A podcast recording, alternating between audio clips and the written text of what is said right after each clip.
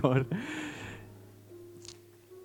Er der nogen af jer, der nogensinde har prøvet sådan, øh, at kigge ned i jeres tøj, og så får I øje på sådan en lille tråd et eller andet sted, ikke? Ja, de fleste af os. I det øjeblik, der står man over for et valg, ikke? Man står og kigger ned på den der, og man ved godt, det går galt. Men alligevel så er man drejet til det. Er det ikke rigtigt? Ikke? Man kigger på den der med, ved godt, man burde sådan set bare vente og, og klippe den i stedet for, eller et eller andet, når man får fat i en saks. Men det er ikke det, vi gør. Ikke? Finder den der lille og begynder at hive sådan lige så stille og tænker, ah, hvis jeg er rigtig hurtig, ikke? så knækker den, og så er det fint, og så er den der. Ikke? Og så begynder man at trække, og den bliver længere og længere og længere og længere, og tøjet er i stykker. Og så kan man gå der og ærge sig. Kender I, kender I følelsen? Ja. Se, øhm, der er, når man sådan kigger Bibelen igennem, ikke, for at lave den her fine parallel, når man kigger Bibelen igennem, så er der indimellem, at man kan bladre, og man kan læse nogle vers, og når man tager fat i et eller andet, så er det lidt ligesom at tage fat i sådan en tråd. Og jo mere du dykker ned i det, og jo mere du hiver i den, jo længere, jo længere bliver den. Og du finder ud af, at der er emner og budskaber i Bibelen, som er vævet sammen fra start til slut. Og nogle gange, så kan man holde en prædiken over sådan en eller anden niche-ting, og sådan nogle, tage sådan nogle lidt obskure vers frem, ikke? Og indimellem, så er det, at vi finder ud af, når man tager fat i et eller andet herover, jamen så er det forbundet med alt andet. Og for at tage sådan et, et eksempel, jamen Guds natur, Guds storhed, hvem han er, det er jo sådan en af de her store emner, som er beskrevet, uanset hvor du kigger i din bibel, jamen så vil du opdage, at der er referencer til Guds natur. Hans frelsesplan, hans nåde, at Jesus kom og skulle dø på korset for os, alt det er der referencer til hele vejen igennem. Og en anden ting, som der også er referencer til, er det vi skal tale om i dag, det er tilbedelse. Og som Jørgen også nævnte, jamen, så er jeg jo blandt andet ansvarlig for lovsangen her i kirken. Og derfor så er det også øh, sådan et emne, der ligger mig meget på hjerte. Og vi har ikke noget tema. Vi starter et nyt tema i næste uge, så jeg har fået lov til at tale om lige det, jeg har lyst til. Og i dag, så er det tilbedelse. Når man har været kristen i nogle år, så kan man indimellem tage sig selv i at tænke, når man kommer til en gudstjeneste og hører en prædiken, eller når man læser i sin bibel, eller måske tager til konferencer, så kan man indimellem tage sig selv i at tænke, der er ikke så meget nyt under solen, er der? Er det ikke rigtigt? Man kan godt nogle gange komme og tænke, jamen, der er nogen, der smider et vers på, eller begynder at snakke om noget, man kan have det sådan lidt, den tror jeg, jeg har hørt før, den der. Sådan har jeg det en gang imellem. Og i virkeligheden så er det jo en vanvittig farlig indstilling at have, fordi at hvis vi holder op med at tro på, at der er mere at lære, og der er mere at få, jamen så stagnerer vi, og så ender vi med at sidde fast et eller andet sted, vi ikke skulle have været. Der er altid mere at få. Og det er også derfor, vi snakker om, at Bibelen er et levende ord. Ikke? At vi taler om den, at vers, vi har læst for 30 år siden, kan sige noget helt andet til os i dag, end de gjorde for 30 år siden. Vi tror selvfølgelig på, at der hele tiden er noget nyt at få. Men samtidig så så kan vi ikke komme udenom, at indimellem, så kan det også godt føles lidt som om, at ah, den har vi hørt før. Når, øh, når jeg tager afsted til konferencer indimellem, også lovsangskonferencer, så kan jeg godt tage afsted, og jeg kan glæde mig til undervisning, og jeg glæder mig til det, der skal komme. Men samtidig så har jeg også nogle gange sådan lidt den følelse af, måske er der egentlig ikke noget nyt under solen. Så det, jeg glæder mig allermest til, det er faktisk ikke så meget undervisningen, men det er lige så meget bare det at være en del af lovsangen og tilbedelsen. Det der med at være sammen i enhed om at tilbede Gud, det er der noget helt særligt over.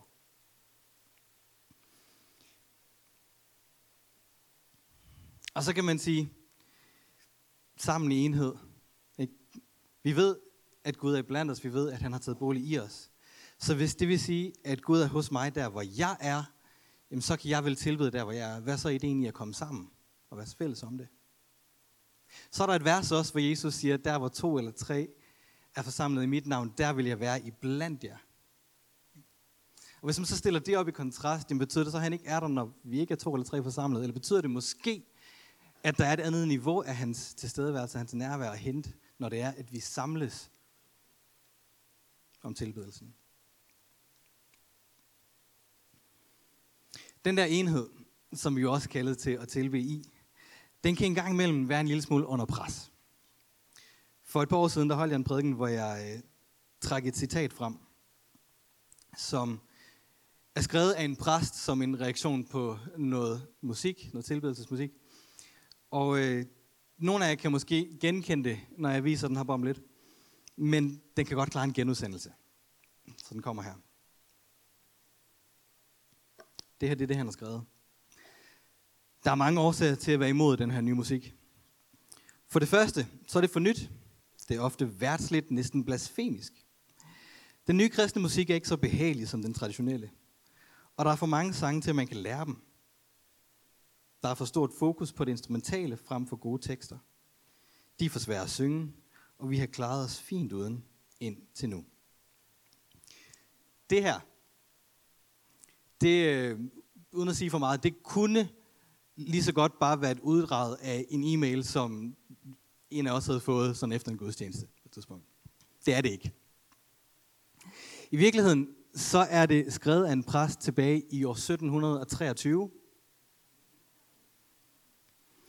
Og det er skrevet som en reaktion på de salmer, man begyndte at skrive dengang. Der var en fyr, der hed Isaac Watts, en brite, som blev meget kendt for sine salmer, han var faktisk blandt andet med til at indstifte hele den her kultur, det vi kalder en kulturarv i dag, ikke af vores salmer. Og han begyndte at skrive de her salmer. Det er fordi på det her tidspunkt, der måden man sang sammen, når man mødtes som kirke, det var, at man tog de salmer, der eksisterer i Bibelen, som de er skrevet, og så sang man dem. Så man skrev ikke selv, fordi at det kunne man jo ikke. Det er jo det, der var i Bibelen, der var Guds inspireret. Og da der så er nogen, der begynder selv at få fat nogle salmer, jamen så kommer der den her modreaktion imod det. Pointen i alt det her, det er sådan set bare, at holdninger, dem er der nok af. Og prøv at høre, 50 år fra nu, så vil der være nogle teenager og nogle unge, som synes, at det vi kalder god lovsangsmusik i dag, er håbløst umoderne og forældet. Og så vil der være sådan nogen som mig og min generation, som synes, det er altid, og så ikke forstår, hvad de snakker om. Og måske er det i virkeligheden bare lidt til tider den vej, at naturen går. Ikke at det behøver at være sådan, men når der er så mange holdninger, så er vi også nødt til at finde ud af, hvor er det så, vi finder enheden. Og enheden, den skal ikke findes i måden, vi tilbærer på. Enheden, den finder vi i ham, vi tilbærer.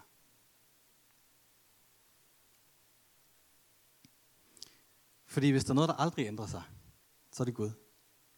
Hvis der er en, der aldrig ændrer sig, så er det ham. Og det betyder også, at grunden til, at vi tilbærer, heller aldrig ændrer sig. Og du og jeg, vi er skabt til det her. Vi er skabt til at tilbede. Om du er kristen eller ej, det kan sagtens være, at du sidder her og tænker, tilbedelse, ja, det er fint, men det er ikke for mig. Du og jeg, vi er skabt til at tilbede, og det betyder, at vi gør det allerede, om vi er klar over det eller ej. Måske så kalder vi det ikke tilbede. Det kan være, at vi har nogle andre ord, vi sætter på det.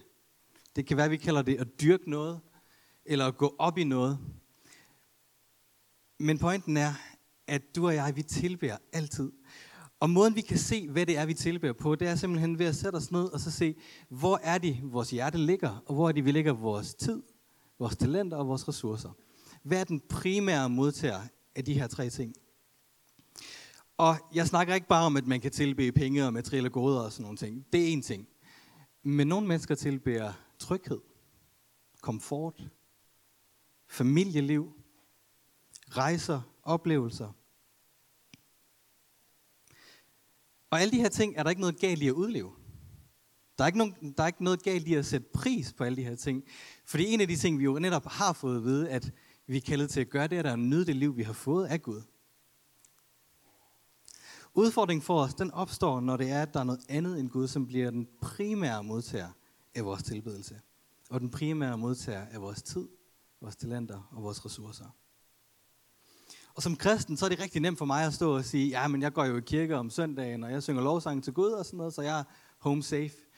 Men det er lige så vigtigt for mig at stoppe op og overveje min overbevisning, den jeg har, om at Gud han er den vigtigste i mit liv, bliver den også afspejlet i mit liv? Afspejler det sig også i det, der hvor jeg lægger min tid og mine talenter og mine ressourcer? Og det her det er ikke en reklame for kirke, jeg snakker ikke om kirken, jeg snakker om Gud. Fordi kirke kan på samme måde som familie og komfort og tryghed og penge og ejendom og alt det her andet, kirke kan på samme måde som alt det andet også ende med at blive en form for afgud for os.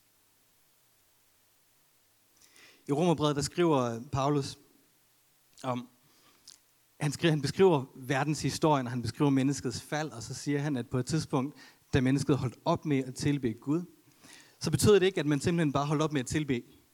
Slut. Men tilbedelsen blev afsporet. Man begyndte at tilbe noget andet i stedet for Gud, som man havde tilbedt før. Så vi kan ikke lade være med det. Det ligger så dybt i os at dyrke noget. Og vi ser det jo sådan allerede i små børn. Ikke? Der ser det måske lidt anderledes ud. Men, men små børn, de knytter sig. Vi har et behov for at knytte os til noget. Og de knytter sig meget hurtigt til deres forældre. Men også meget hurtigt bare til objekter. Jeg har to små børn. Og hvis man sådan for eksempel har været en tur i skoven, så kan det være, der er en af dem, der finder en sten eller en pind. Og på vej ind i bilen, så siger man, kan du ikke lige slippe den pind, den er der ingen grund til at tage med hjem. Og så får man den her. Fordi det er det vigtigste i deres liv lige pludselig, ikke? og den skal med i seng, og den skal med i bad, og den skal med alle steder. Vi har bare et eller andet behov for at knytte os til noget og finde tryghed i ting. Og når vi så bliver ældre, så begynder det at se lidt anderledes ud. Så er det måske ikke så meget objekter, vi finder tryghed i, men vi har stadig brug for at finde noget at dyrke. Vi har brug for et eller andet sted at lægge vores energi. Og så begynder vi at lede efter mening. Krifa har nogle år i streg lavet sådan en undersøgelse i forhold til, hvad der skaber god trivsel på arbejdspladsen. Og alle årene, der er det det samme, der ligger nummer et. Det er ikke løn, det er ikke øh, gode kolleger, det er ikke medbestemmelse over sine arbejdsopgaver. Alle årene så har det været mening. Det er det, vi jager. Vi har brug for at lave noget, der giver mening for os. Vi er skabt til at knytte os til noget. Vi er skabt til at finde mening. Vi er skabt til at dyrke noget. Eller for at sætte et andet ord på det. Vi er skabt til at tilbe. Det er så grundlæggende en del af, hvem vi er som mennesker. Og hvis vi fravælger at tilbe Gud, så kommer vi helt automatisk til at rette den tilbedelse mod noget andet. Så det her det er meget mere en lovsang. Det er meget mere en bøn. Det handler om, hvad vi lægger vores liv i. Ikke? Tilbedelse, det er, at vi giver vores liv som et offer til Gud. Så om du er kristen eller ej, du tilbærer noget. Spørgsmålet er, hvad du tilbærer. Og så er spørgsmålet, hvordan, for vi tilbærer også forskelligt. Og hvis jeg så alligevel bruger lovsangen som eksempel, så jeg kan indimellem have stået til en gudstjeneste, og så gå fra, og så tænke, det her, det var fantastisk. Ha' den der oplevelse af, at himlen rørte jorden. Og nogle gange, og det sker heldigvis ikke så tit, så kan man også godt gå fra en gudstjeneste, og så tænke, ja, det sagde mig ikke så meget i dag. Lovsangen rørte mig ikke. Den gjorde ikke rigtig noget for mig i dag. Er det kun mig, der har tænkt det? Vi må gerne være ærlige. Det er okay. Og det her det er jo på trods af, at jeg er godt klar over, at jamen, lovsangen den er ikke til mig, den er til Gud. Det kommer ikke for at modtage, jeg kommer for at give min tilbedelse og min pris. Men derfor så kan man stadig godt indimellem have den der følelse. Og lovsangerne kan have spillet fantastisk. Det har ikke noget med det at gøre. Og samtidig så er det jo også en utrolig subjektiv, subjektiv vurdering. Ikke? Fordi jeg kan godt have haft en forfærdelig oplevelse, så kan jeg gå ud og snakke med en, der bare synes, det var fantastisk i dag. Så, så det er selvfølgelig en utrolig subjektiv vurdering. Men alligevel, når vi så snakker også både som præster og som lovsangere, så har vi sådan en, jamen hvordan gør vi det bedre? Hvordan får vi hele kirken til at være med, engageret, overgivet i tilbedelse? Hvad gør vi? Og selvom vi godt ved, at det ikke er det, der handler om, så prøver vi alligevel at sørge for, at der er noget for alle. Sådan kan det virke. Så vi synger gamle sange, og vi synger nye sange. Vi synger hurtige sange, og vi synger langsomme sange. Så synger vi noget på dansk, og så synger vi noget på engelsk. Så skruer vi lidt op for lyset, og så skruer vi lidt ned for lyset. Så sender vi røg ind i lokalet, så man kan se lyset, og så løfter vi ud og sender røgen ud af lokalet, så man kan se, hvad der, hvem der står på scenen. Ikke? Og, og hvis man ikke er klar over, hvad der er, der foregår, så kan det hurtigt komme til at virke lidt som sådan en lille cirkus. Er det ikke rigtigt? Og alligevel så gør vi det. Så hvad er det, der foregår? Og svaret er faktisk meget enkelt, fordi vi skal tilbage til alt det her. Røg, lys, sang, musik. Det er ikke for os. Det er ikke os, der er modtagerne af lovsangen. Det er ikke for os, det er til ham. Og vi mennesker, vi udtrykker os forskelligt. Og der er kreative mennesker, som tilbærer igennem musik. Der er mennesker, der tilbærer igennem trommerne, når de spiller på dem. Der er mennesker, der tilbærer igennem lyset. Der er mennesker, som udtrykker sig kreativt med de talenter, de nu engang har fået. Og det gør vi som en tilbedelse af Gud. Så måske, måske har vi brug for at bruge mindre tid på at snakke om hvordan, og langt mere tid på bare at stoppe op og lære at stå i ærefrygt og forundring over ham, det hele drejer sig om.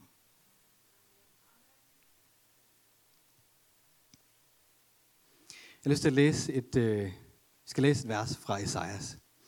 Og hvis ikke du er så bibelkendt, så øh, Esajas han var en profet fra det gamle testamente. Øh, muligvis den mest kendte af de profeter. Og hans opgave det var at tale til Israel på Guds vegne. Det her det var før Jesus, og det var før Helligånden, og det var før vi blev givet direkte adgang til at have det her fællesskab med Gud selv.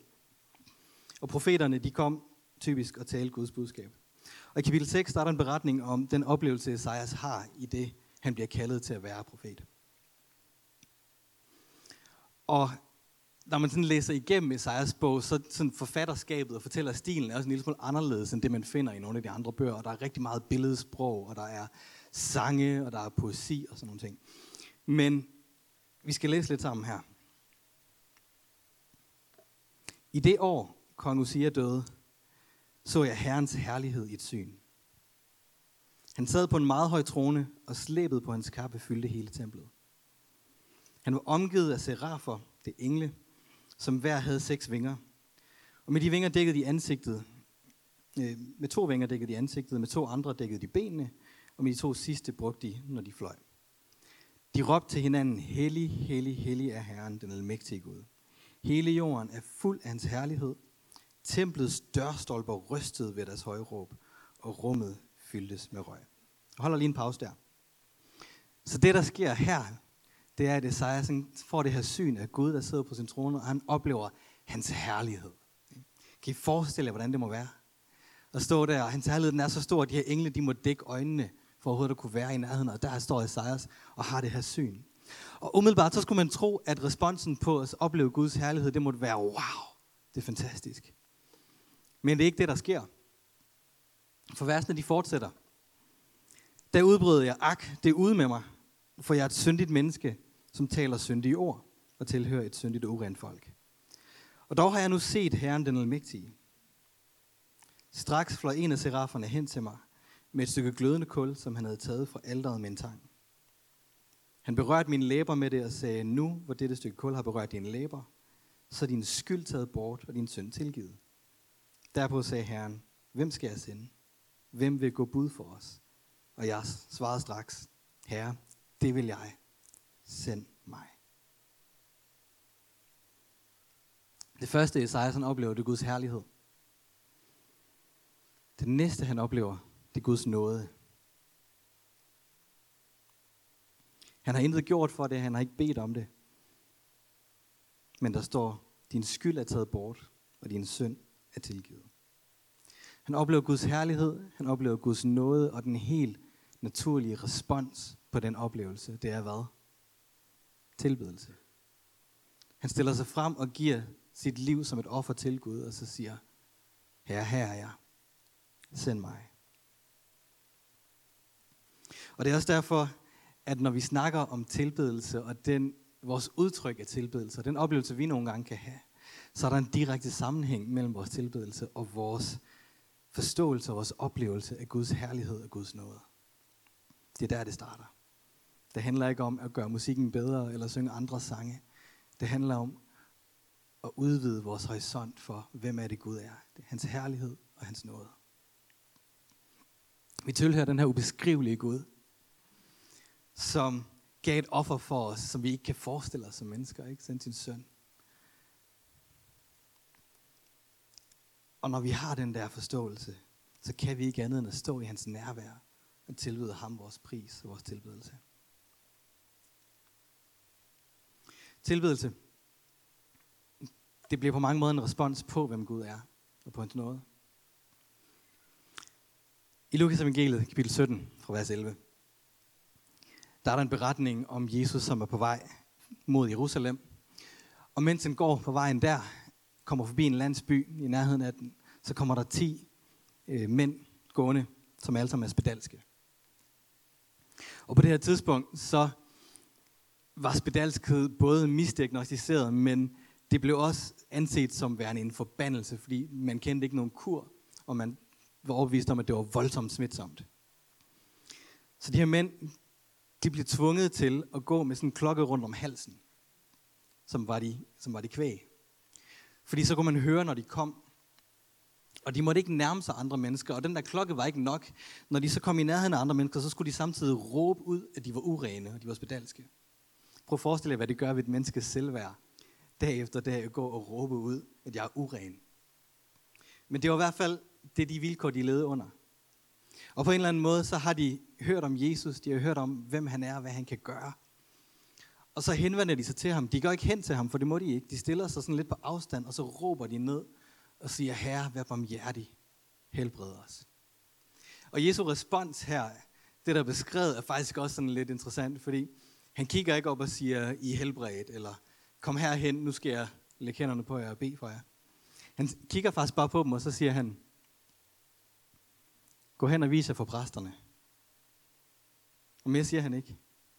Og de her mænd, de vender sig om, og så begynder de at gå. Og mens de går hen mod templet, og det, det i sig selv var faktisk en forfærdelig idé, fordi det var ikke tilladt for de her mænd at være i nærheden af templet. Og i virkeligheden så har de nok også givet op på Gud, fordi templet, det var der, man gik hen for at tilbe Gud. Der måtte de ikke komme, der var de ikke velkommen. Så i virkeligheden har de nok givet op på Gud, og så får de at vide, nu skal I gå hen til præsterne, ind i det tempel, de ikke må være i, og vise for dem. De gør det alligevel. De går derhen af, og mens de går, så begynder de at blive helbredt.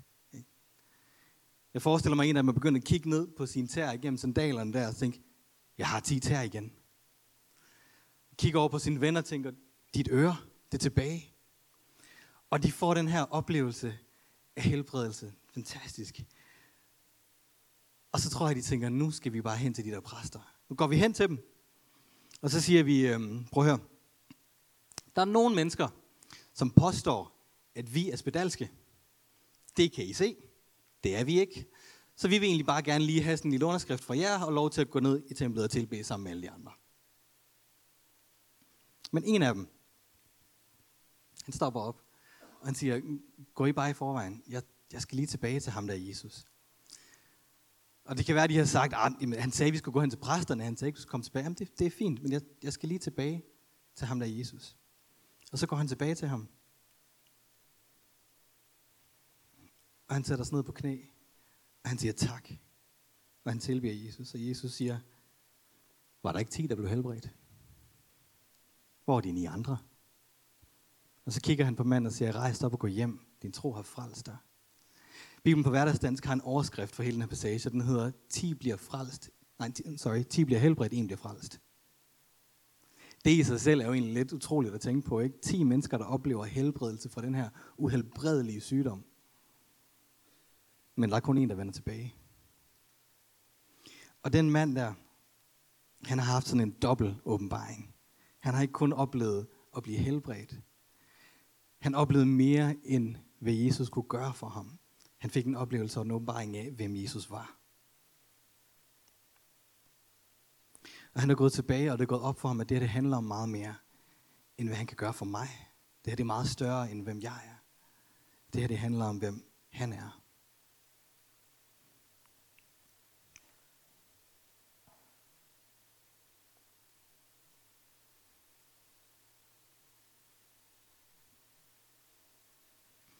Tilbedelse for os og det her det er mit sidste punkt på det. Tilbedelse for os er også et offer.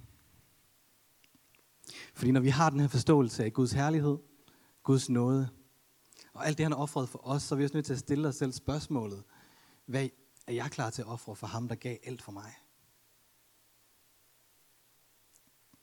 Og i Hebræerbrevet, der er der nogle vers, som i mine øjne måske bedst beskriver, hvad tilbedelse rent faktisk er.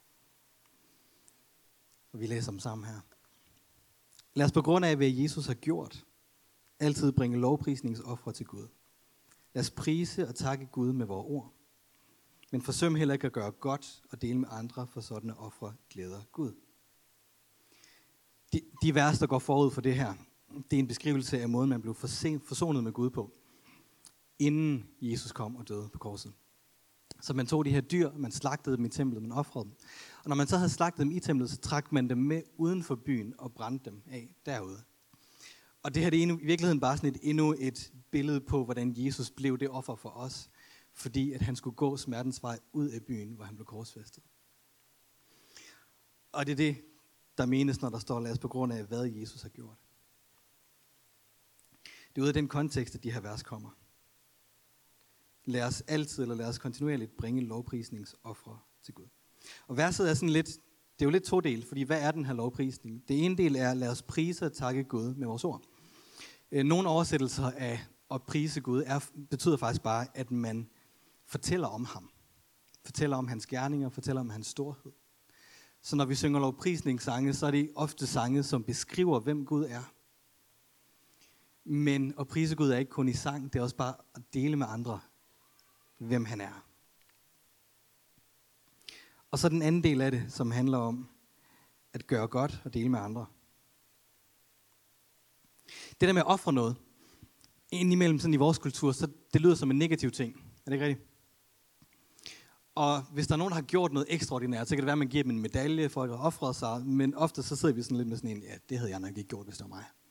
Det bliver sådan lidt en, en negativ ting at skulle ofre. Men Guds riges kultur ser det anderledes. Der er det normen at ofre. Kirke, og jeg mener ikke bygningen, men forsamlingen kirke, er bygget på ofre. Den er bygget på, at Jesus han offrede sig selv. Hvis ikke han havde gjort det, så var der ikke nogen kirke. De første kristne, de gjorde et offer for at bringe evangeliet ud. Hvis ikke de havde gjort det, så var der ikke nogen kirke. Guds riges kultur, der er, det er at ofre noget, det er normen. Det er ikke en negativ ting, men det ligger så dybt i, hvad vi kalder til at gøre som respons på, hvad han har gjort for os. Og i Danmark, der har vi faktisk, vi har faktisk en ret fantastisk frivillighedskultur. Jeg ved ikke, om I er klar over det, men man har målt det og siger, at omkring 40 procent af alle danskere er engageret i frivilligt arbejde i et eller andet omfang. Det synes jeg er ret stort. Det er flot. Men frivillighedskultur uden for Guds rige og frivillighedskultur i Guds rige har lidt nogle forskellige udgangspunkter. Jeg har en, øh, jeg har en ven, som igennem en årrække var frivillig på Grøn Koncert. Og det han gjorde sammen med en anden gruppe, det var, at de rejste rundt, var med til koncerterne i alle byerne, øh, og så ledte han typisk andre frivillige og var med til at stille op og sådan noget. Og det de så gjorde, det var, at på forhånd så havde de allieret sig med nogle lokale klubber, sportsklubber typisk, som også sendte nogle frivillige. Og de havde så mulighed for at sende nogle folk mod, at de så fik en donation til deres klub. Og det fungerede ret godt. Men det han fortalte mig, det var, at når de kom ud i en ny by, så var de altid sådan lidt spændt på, hvem er det, der dukker op. Fordi de kunne godt have fået en liste over navne. De kunne godt have fået at vide, at det er de her mennesker, der skal komme, det er så og så mange. Men ofte så var det måske kun halvdelen, der dukkede op. Og af dem, som kom, så var der stor forskel på, om de rent faktisk tog fra, om de gjorde det, de blev bedt om, eller om nogen af dem måske bare sådan satte sig lidt i et hjørne med en telefon og prøvede at få en gratis koncert med. Og jeg tror, en del af forklaringen er jo, at, at de har haft et forskelligt udgangspunkt i forhold til, hvor meget de har brændt for sagen. Men også fordi, at hvis man dukker op som frivillig, og så tænker, jeg gør dig en tjeneste ved det, jeg gør. Jeg gør dig en tjeneste. Frem for, jeg er her for at tjene. Det er to helt forskellige ting. Og du og jeg, vi har ikke lyst til at arbejde sammen med mennesker, som kommer og siger, jeg gør dig en tjeneste, du skylder mig noget. Ikke? Altså, det er sådan lidt det, der ligger mellem linjerne. Man har ikke lyst til at arbejde sammen med frivillige, som er der kun for at gøre dig en tjeneste. Du har lyst til at arbejde sammen med nogen, som brænder for det, du brænder for. Som har en passion, som er klar til at drive det. Og som, hvis du kigger den anden vej, eller er væk et øjeblik, jamen simpelthen bare driver det videre. Er det ikke rigtigt? Og det er derfor frivillighedskultur blandt kristne ser anderledes ud. En, øh, på et tidspunkt i en unavngiven kirke, det er muligvis her, der, øh, der, var der, der var en eller anden søndag, hvor jeg tror, jeg tror det er mig, der, jeg blev bedt om at stille mig op, og så sige, at vi havde brug for tre mennesker til at tage opvasken herude efter gudstjenesten. Øh, så det gjorde jeg. Og øh, ideen var så, at man kunne række en arm i vejret og så sige, den tager jeg og til at starte med, så sidder alle sådan lidt og kigger lidt ned i jorden og sådan noget, og ned på telefonen, og ah, jeg har godt nok andre planer og sådan noget ting. Ikke? Så er der to, der rækker armen i vejret, og jeg kigger på dem, og jeg kan se, at det er nogen, der har været til gudstjeneste to gange før, og jeg tænker, ah, kirke, det kan vi gøre bedre. Øh, og holder den kørende lidt. Og jeg tænker lidt, hvis jeg havde siddet dernede, så det kan være, at jeg havde siddet og egentlig har gjort det samme som alle andre. Ikke? Kigget lidt ned i telefonen og sagt, ah, det passer ikke lige så godt og sådan noget. Og det kan være, at man sidder sådan lige med sådan en halv arm og sådan kigger omkring, ah, hvis ikke der er nogen, der tager den, så må jeg jo hellere gøre det.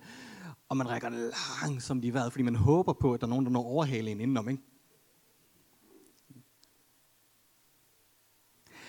Frivillighedskultur blandt kristne, skal vi sige, bør se lidt anderledes ud. Og jeg kommer ikke til at bede nogen om at tage opvasken her bagefter, det er ikke det, det handler om. De kunne sikkert godt bruge hjælp, men, men det er ikke det, der er pointen her. Frivillighedskultur blandt, blandt kristne tager ikke udgangspunkt i, at vi gør andre en tjeneste. Tager ikke udgangspunkt i, at der er nogen, der har brug for min hjælp, så derfor, så, så hvis de spørger pænt, jamen, så kan det være, at jeg kan overtales. Den tager udgangspunkt i, at Jesus han gav et offer for os. Det vil sige, når jeg dukker op et sted, om det er kirke, om det er på min arbejdsplads, om det er et fællesskab, uanset hvor det er, så kommer jeg allerede med armen i vejret. Rigtig armen i vejret engang. Alle sammen. Yes. Det her, det er grundindstillingen. Ikke? Vi træder ind et sted, og så siger vi, jeg har fortjent dig, Gud, og jeg har fortjent mennesker omkring mig. Det er jo hurtigt, de arme kom ned. Ja. Det er grundindstillingen. Det er, at vi træder ind og siger, hvad kan jeg gøre for at tjene dig? Og hvad kan jeg gøre for at tjene dem omkring mig?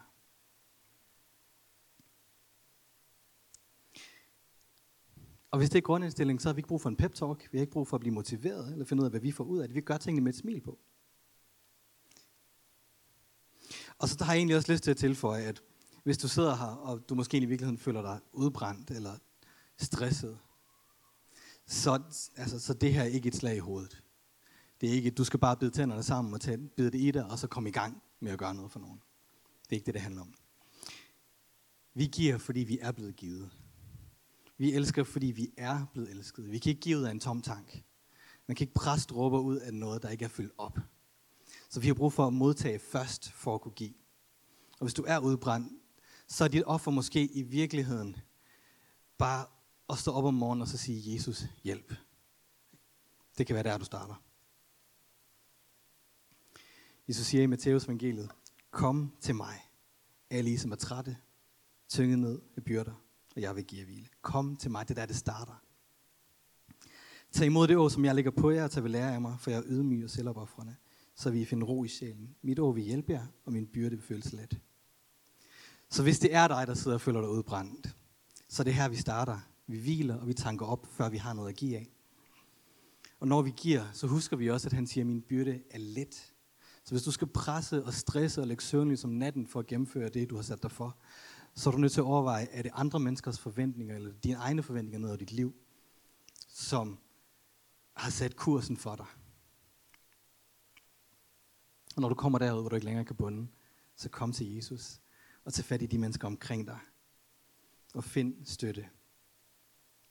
Og vi kan godt opleve uro. Vi kan godt opleve at blive presset på vores, hvad skal man sige, øh, på vores grænser. Men Gud han kalder dig aldrig nogensinde til noget, der sender dig ned med fladet. Vi giver, fordi han gav først. Vi elsker, fordi han elskede først. Vores tilbedelse og vores offer til ham er et resultat af, hvad han offrede for os. Gud først, så os.